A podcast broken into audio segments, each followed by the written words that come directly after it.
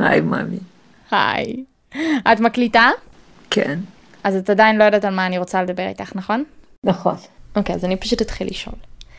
איך את מסכמת 37 שנות הורות? אני חושבת שאני זכיתי בילדים חמודים שנתנו לי תקופה די ארוכה של אה, חמידות. ועדיין וגם עכשיו נותנים. כשהם גדולים, הם שוב, אתם שוב חמודים. זו קרבה שהיא מעל אה, קרבה הגיונית. זה לא קרבה רציונלית. יש לך חרטות או רגשות אשם על איך שגידלת אותנו? אבל תמיד יש תחושות אשם. אה, מעט מדי זמן עם הילדים, אה, האם תמיד אה, הייתי שם כשהילדים היו צריכים אותי, האם תמיד אה, נתתי את הפתרון הנכון, או הצעתי דרך נכונה. אה, לא, לא, האם, האם, האם, יש תמיד. איך כהורה אפשר להתמודד עם זה שהילדים אה, כועסים עלייך, או מתעצבנים, או מאוד קשה להם איתך? כאילו, את אומרת, אני נתתי להם את כל החיים שלי, אני השקעתי בהם מלא, אני הענקתי אותם, איך הם יכולים לחשוב ככה? אה, זה קשה, כי... אבל זה תלוי. כאילו, אם יודעים שזה באמת משהו מופרך, אז אפשר גם לנפנף. אבל אם אה, מרגישים שאולי יש בזה איזשהו גרגיר של אמת, זה יותר קשה. ואז מה עושים? אז אה, מתלבטים, מתלבטים. לפעמים גם מודים שטועים. טוב, תודה רבה אמא שהסכמת, את ממש חמודה. ואת חמודה גם עכשיו. את גם. אפילו שנכנס סוף סוף לגיל התבגרות. למה? כי עכשיו את התחלת פתאום לבוא בטענות לכל מיני דברים, מה שכשהיית בגיל ההתבגרות לא היה. מה? אני לא באה בטענות. למה אני לא הראיתי לך סרטים מצוירים, למה... זה פחות או יותר הרזולוציה של אה, טענות של גיל התבגרות.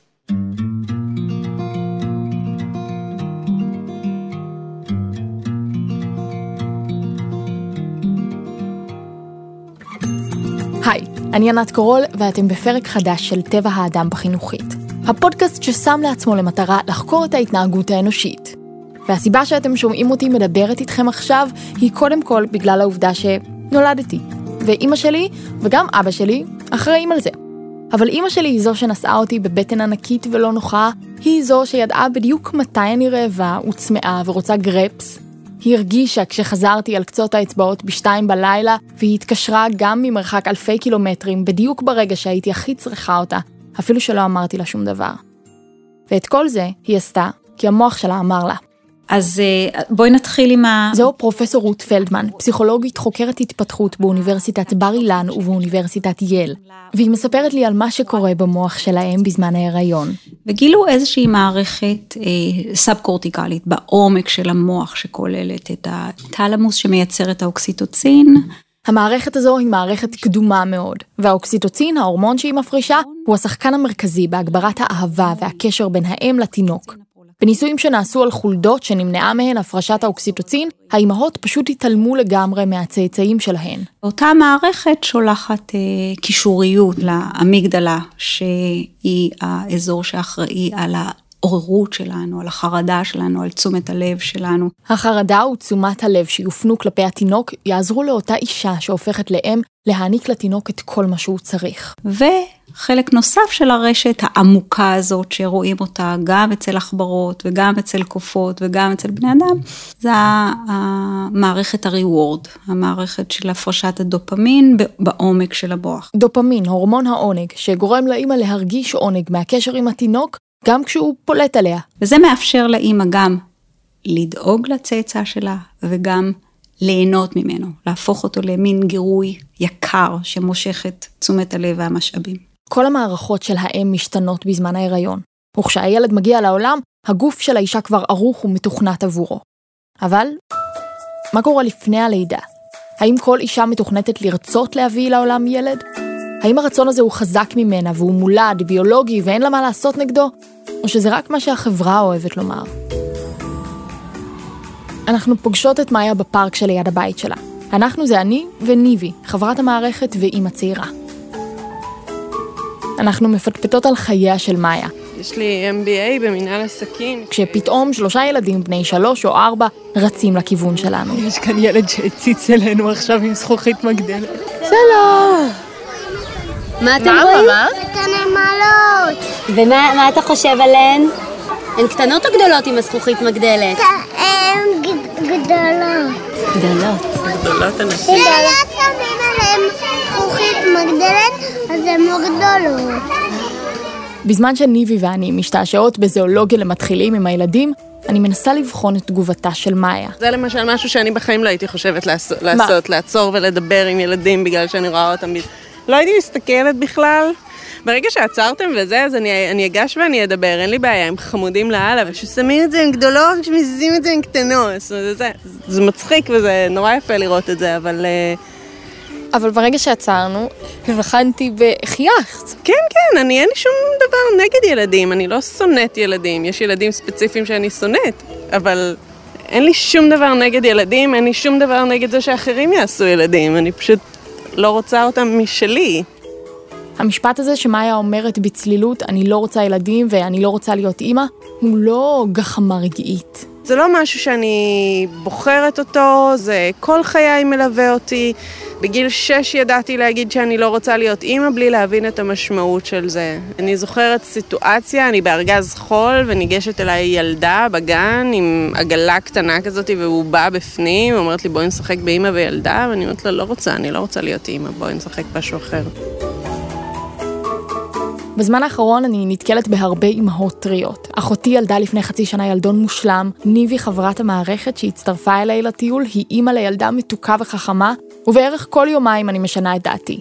מצד אחד אני מרגישה שנועדתי לזה, ומצד שני זה ישר סוגר עליי, נגמרים החיים, נעלמים התחביבים ואין טיפת זמן פנוי. את רוצה את החופש שלך ואת העצמאות שלך, ואת שונאת ילדים או משהו כזה, ואז הייתי אומרת, אוקיי, אלה מלא מלא סיבות הגיוניות, אבל את...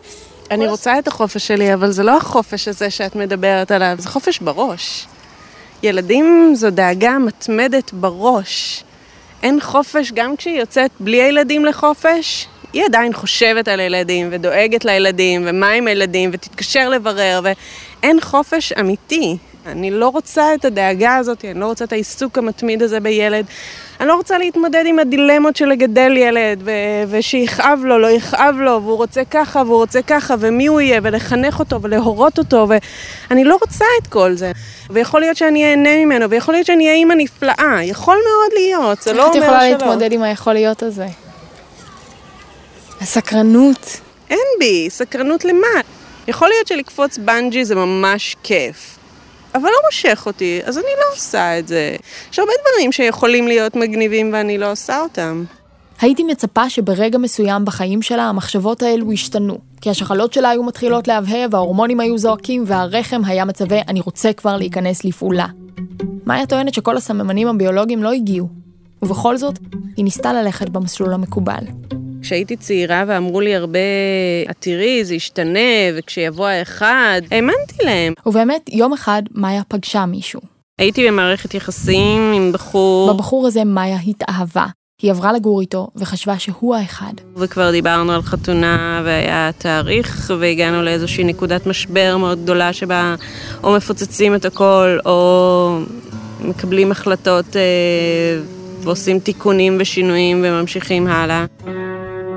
כל אחד מהם הציב את התנאים שהוא לא מוכן לוותר עליהם בשביל שהקשר יוכל להמשיך. אחד האולטימטומים שמבחינתו היו תנאים לחזור היה שאני אתחייב שתוך אה, מקסימום חמש שנים אה, יהיה לנו ילד אה, ראשון. הייתי צעירה ופחדתי להיות לבד ופחדתי מכל הפרידה הזאת ולא רציתי להתמודד עם זה ואמרתי בסדר כשכל כולי מתוכי צורחת באימה של אוי לא אבל לא נורא חמש שנים זה מלא זמן ונראה מה יקרה בעוד חמש שנים. והם נפרדו. היום מאיה היא חלק מקבוצה של אנשים שמגדירים את עצמם כעל-הוריים, אנשים שלא מעוניינים להביא ילדים לעולם. אבל לקח לה המון זמן להגיד בקול את צמד המילים האלה. אני חושבת שאיפשהו לקראת ה-35 זה השלב שבו סיפרתי ואמרתי חד משמעית זה לא ישתנה ואני לא רוצה יותר. אני זוכרת את ההקלה המשמעותית הפיזית ביני לבין עצמי כשעבר ה-35 של אני לא צריכה להתמודד עם השאלה הזאת יותר, די. והיום, כשהיא מנסה לצאת עם מישהו, נקודת המוצא של הקשר צריכה להיות הודעה שלה שלא יהיו ילדים, ואין הרבה גברים שמוכנים להיכנס לעניין. אנחנו ממשיכות בטיול שלנו, ופתאום מאיה נעצרת. שלום, אני. שלום, תפני. ככה מאיה פונה על מי שמתקרב אלינו עכשיו, כאילו היה ילד קטן וחמוד שמבקש שיחבקו וילטפו אותו. אבל האני הוא חתול. ביי. מאיה מתכופפת אליו והוא מתחכך בה ומגרגר אליה והיא קורנת מאהבה. בואי. החתול מוביל אותנו לכניסה לבניין של מאיה, ויחד איתנו נכנסת לבניין אישה עם סלי קניות. מה העניינים? זו דקלה. שלום. אז הן גרות באותו בניין? זה הקטע? כן, אנחנו חברות טובות. לדקלה יש שני ילדים, והיא מכירה את הסיפור של מאיה. אני מבינה ולא מבינה. זה נראה לי כאילו, פשוט מי שאין לו עדיין ילדים, אז הוא פשוט לא, אולי לא יודע איזה אושר הוא מפסיד. סליחה, אני מצטערת, פשוט בשבילי זה נראה לי כאילו דבר שהכי ממלא. כאילו כל מה שהיה, כל הכיף, החופש שהיה, לא משתווה לילדים. מסכנה. לא, מה?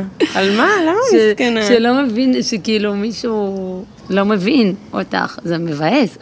זה בסדר, גם אני לא עד הסוף מבינה את הצורך של מישהו להיות הורה, לעשות ילד. זה בדיוק אותו דבר. אני לא מצפה שיבינו אותי עד הסוף, אני מצפה שיקבלו את זה ויעזבו אותי לחיות את חיי ולא יציקו לי בעניין. ודקלה מקבלת. היא ומאיה מסתדרות מעולה ביום-יום מבלי להעלות את הנושא הזה. אבל הפעם אנחנו באנו כדי לנבור. דקלה מגלה לנו שהיא גננת, וניבי, כאמור אימא טריה, לא יכולה להתאפק. את לא רואה לפעמים על הורים, שוואלה, זה לא מתאים להם. הם לא עושים את זה בכיף, הם לא עושים את זה באהבה, זה לא בא להם טבעי. אני חייבת לשאול אותך, באמת, בתור... ברור שיש אנשים שלא מתאים להם להיות הורים. אז למה את לא יכולה להבין את מאיה? כי היא נראית לי כזאת אה, מלאה באהבה, ותראו איך היא דואגת לחתולה, נותנת לה אוכל, אז אני אומרת, יוח, זה יכול להיות לה כיף לדאוג ליצור קטן ומתוק, ואז הוא יהיה החבר הכי טוב שלו שבעולם, ואז, הוא, ואז גם הוא ידאג לה. אז את מרגישה שהיא מפוספסת, אימא מפוספסת. כן, ממש. מאיה לא מופתעת או מתרגשת מהדברים של דקלה. זה לא משהו שלא שמע קודם. יש אנשים שזה כל כך בוער בהם, זה כל כך חלק מהמהות שלהם, שאין שום יכולת שהם יבינו את זה, והאנשים האלה מתמלאים זעם מולי כשאני אומרת שאני לא רוצה לעשות ילדים, ולכן אני לא עושה ילדים. תגובות נוראיות, כל מיני קללות ושנאה ממש כלפי הרעיון הזה, ש... שלא בא נגד אף אחד אחר. אבל הביקורת שהכי היה לה קשה לשמוע הייתה מההורים שלה. איך אימא שלך הגיבה? זה היה לה קשה. אה, לקח כמה שנים עוד עד שהיא בכלל הבינה שאני מתכוונת לזה. להגיד שהיא מבינה את זה, אני לא חושבת שהיא מבינה את זה, אבל אני מבית כזה שבו אנחנו מקבלים, גם אם אנחנו לא מבינים. כי מעבר למחלוקות, לאימא של מאיה יש בת מדהימה, שאוהבת ודואגת, בבריאות וגם בחולי. תראי, אני לא אגיד שהזקנה והלבד וההתמודדות לא מפחידים, הם מפחידים. אבא שלי אה, עבר לקראת מותו שנה וחצי מאוד מאוד ארוכות של הידרדרות קוגניטיבית ופיזית מאחד האנשים האינטליגנטים והמעניינים, כלום לא נשאר שם, ורוב הזמן ניהלתי את כל הבירוקרטיה ואת כל הריצות ולבקר כדי שהוא לא יהיה שם לבד, וזה ממש קורע את הלב לראות את הדמות הזאת שהיא כל החיים טיפלה בך והיא ההורה שלך, הוא הכל. אמ, שמחה מאוד שאם אני אגיע למצב הזה אף אחד לא יצטרך לעבור את זה איתי. את זה מאיה אומרת כשאנחנו מתיישבות בפארק על שמיכת פיקניק, סופגות רגעים אחרונים של שמש, ורגעים אחרונים של שיחה. אני מבינה שיש איזשהו משהו נוסף שאני לא אחווה, איזושהי אהבה חסרת גבולות ונטולת אגו גדולה מכל דבר אחר. בסדר, אני מבינה את זה. מבינה גם אנשים שחווים את זה ואומרים לי, זה הכל, זה שווה הכל. זה בסדר, זה שווה הכל. עבורם ועבורי זה לא שווה הכל. זה... אלו הם חיי, ככה בחרתי אותם, וזה בסדר לי עם זה שאני לא אחווה את הדבר הגדול הזה. מביתה של מאיה ברמת גן אני עוברת לבית אחר, בתל אביב. הסתיים הגן, אבא אסף אותם, ועכשיו הם עולים יחד במדרגות. אבא חתונה ידיעה. זה אריאל, בן שלוש. נכון. כן נכון. וזה אריאל מתווכח קלות עם אחותו שלי, בת השש. ואלו הם ירון ואופיר, ההורים שלהם.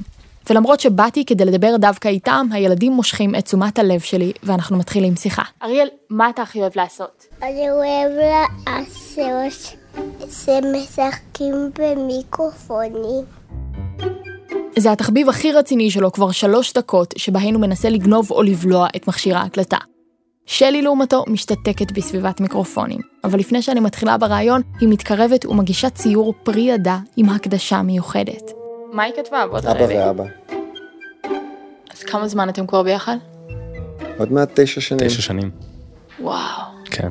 למעשה כעבור שנה כבר התחלנו לחפש סוכנות פונדקאות. כן, שזה... כעבור שנתיים בקשר, כבר התבייתנו על סוכנות פונדקאות וגם חתמנו, וכמעט שלוש שנים בקשר שלי כבר נולדה. נכון. כן, נכון. זה הכי מהר שאנחנו מכירים אצל זוגות הומואים. ממש, זה גם אצל זוגות בכלל. כן. הם כבר לא היו צעירים, וכל אחד מהם חיכה שנים לרגע בו יהפוך לאבא. אז אתם מביאים לעולם את שלי בפונדקאות, איפה? אה, שלי נולדה בג'ורג'יה, שם התגוררה הפונדקאית שלה בשעתו, ובמהלך הלידה, האחות המיילדת שילדה את שלי התחברה איתנו, באה לבקר אותנו גם למחרת, שזה היה היום החופשי שלה, מה שנקרא, כאן חשדנו. והיא אמרה לנו שהיא חשבה כבר על התהליך הזה בעבר, ועכשיו שהיא פגשה אותנו, היא כל כך בטוחה שהיא רוצה גם לחוות חוויה כזו כפונדקאית, ואם ירצה ילד נוסף, היא תשמח להיות uh, זו שתהיה הפונדקאית שלנו. אז uh, אמרנו לה, יש לנו ילדה בת יום, אז בואי קצת uh, נחכה, אבל בגדול, כמובן שכן. וכעבור שנתיים וחמישה חודשים נולד אריאל, שמי שילדה אותו, זו מי שילדה את שלי. ברגע ששלי נולדה, מה הרגשות שהציפו אתכם? טוב, זה מטורף, כמו שכל הורה ודאי מכיר. זה מאוד מרגש, זה מטורף לראות אותה יוצאת לאוויר העולם, להחזיק אותה פעם ראשונה, לתת את הבקבוק הראשון, כל דבר היה מאוד עוצמתי. היינו רק נרגשים ומאושרים. אבל אז התחיל העסק האמיתי, היום-יום. אני רק שואלת שאלה קטנה, והם כבר הופכים לחוברת הדרכה מהלכת. אז אנחנו למדנו בארצות הברית מהאחיות, איך מוציאים גרפס לתינוק בארצות הברית, זה שונה מבארץ. מחזיק יד אחת תומכת בחזה שלו ויד אחת מאחורי העורף, ומעביר, מלטף אותו כזה בעורף שלו, ויוצא גרפס תוך שנייה. שניכם שמעתם כשהם בכו? שניכם קמתם ישר? שנינו קמים בגדול. עשינו אה, משמרות אז. אבל עשינו כן, לילה לילה. עושים לילה תורן, שתמיד לאחד יהיה לילה מלא. תורן. אבא תורן. אבל מהר מאוד הם כבר לא הזדקקו לזה. ובאופן בלעדי הם מסכימים לחשוף איך. אוקיי, הפיצוח הוא כזה, הוא מאוד פשוט. כן, הורים. מאזינים? אה, ובכן, הטעות הבסיסית והראשונה והמשותפת בעיניי לכלל ההורים, כמעט, היא שבכל ציוץ ובכל בכי מרימים מהמיטה ולוקחים לידיים. אז הכלל היה מאוד מאוד פשוט. לא מוציאים מהמיטה, אלא כמעט נכנסים אליה. נכנסתי עם החזה לתוך הראש אה, שלה או שלו, ומיד הם הרגישו את החום ואת האהבה ואת ה... את הלא לבד. גם אם זה ייקח 20 דקות, 40 דקות, שעה, גב שבור, שעתיים, אתה בא לך למות כבר, אתה לא מוציא אותו מהמיטה, אלא אתה נכנס. ומגיל שלושה חודשים הם ישנו 11-12 שעות ברצף. אני חושב שאתה צריך לכתוב ספר מרדים התינוקות, אה, הלוחש, הלוחשת לתינוקות, או יש ספרים שרב מכר. די, זהו, אין, אין, אין מה לכתוב, סיפרתי. לא, אבל זהו. כדאי לך.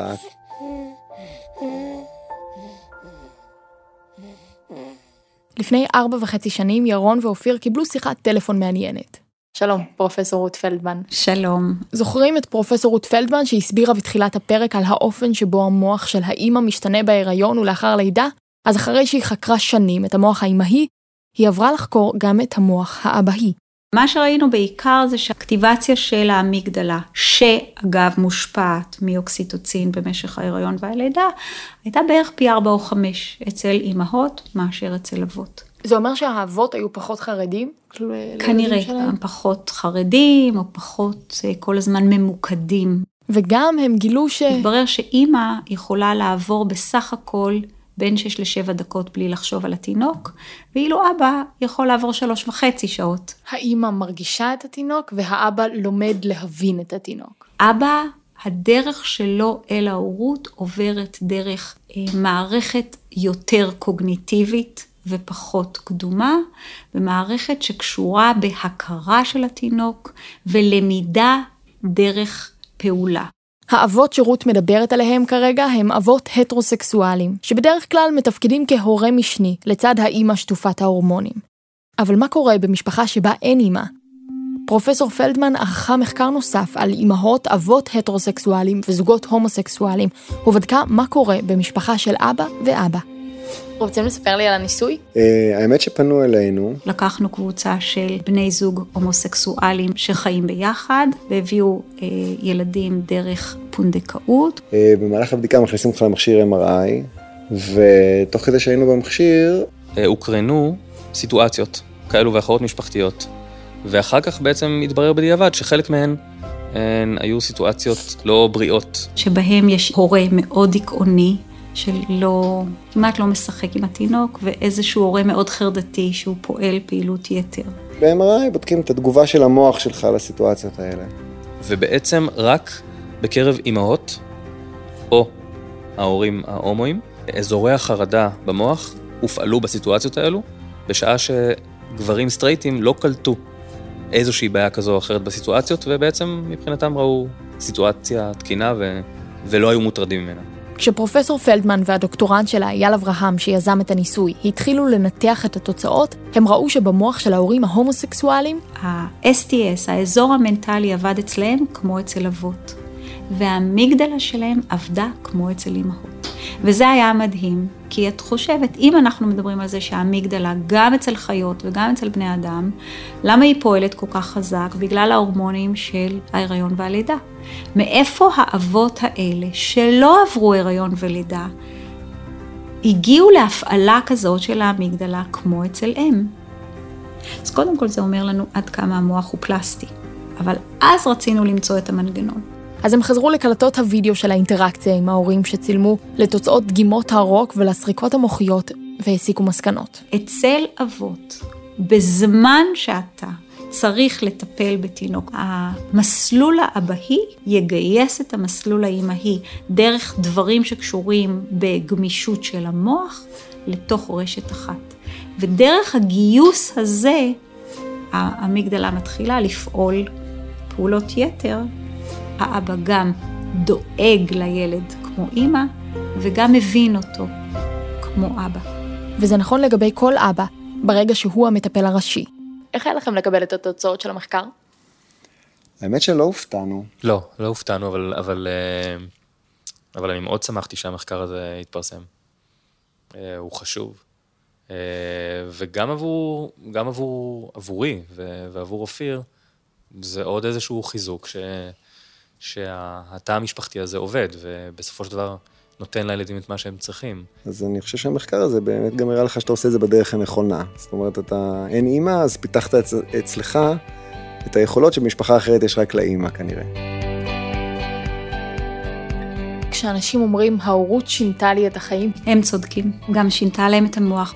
המוח ההורי הוא כל כך פלסטי וגמיש, שברגע שאתה מתמסר לגידולו של הילד, ואוהב אותו, ומטפל בו, וקשוב אליו, המוח שלך יתארגן בצורה כזאת שתוכל לספק לו את כל צרכיו. ובין אם ההורות מגיעה מהראש או מהבטן, מה שבטוח הוא שהקשר עם ההורים שלנו הוא אחד הקשרים הכי משמעותיים שניצור במהלך החיים. תיאוריית ההיקשרות למשל, שהיא אחת התיאוריות היותר משפיעות בנושא, קובעת שאופי מערכת היחסים הראשונית בין ההורים לילדים יעצב את מערכות היחסים של הילדים גם בבגרותם. אם הקשר יהיה אוהב, לא מרוחק מדי אבל גם לא לוחץ מדי, הסיכוי שהילדים יגדלו ויפתחו מערכות יחסים בטוחות ובריאות עם סביבתם יגדל. מדובר במשימה לא פשוטה, שאין באמת סיכוי לבצע אותה באופן מושלם. אבל מה שבטוח הוא שיש הרבה צורות ודרכים כדי לבצע אותה ברמה טובה דייה.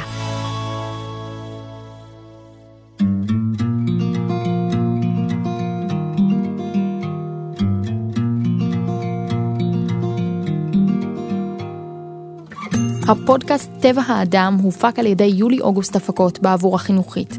אני ענת קורול, את הפודקאסט ערך אסף בקר. איתי חברות במערכת ניבי אוזן, יולי שילוח ולי גאון, מרינה מיינסטר היא היועצת הפסיכולוגית. המפיקות שלנו הן ליהי גולדברג ודלית צלניקר. עידית מיסטריאלי המפיקה הראשית, עמית סטרטינר הוא העורך האחראי, וליסה שילוח היא המפיקה האחראית. האחראית מטעם החינוכית היא שרון ויינברג שפיגלר. עריכת הסאונד נעשתה על ידי עודד דוידוב. ותודה רבה גם לאימא שלי. כמו שאני מאוד אוהבת אותך. גם אני מאוד מאוד אוהבת. מואה. Mm-hmm.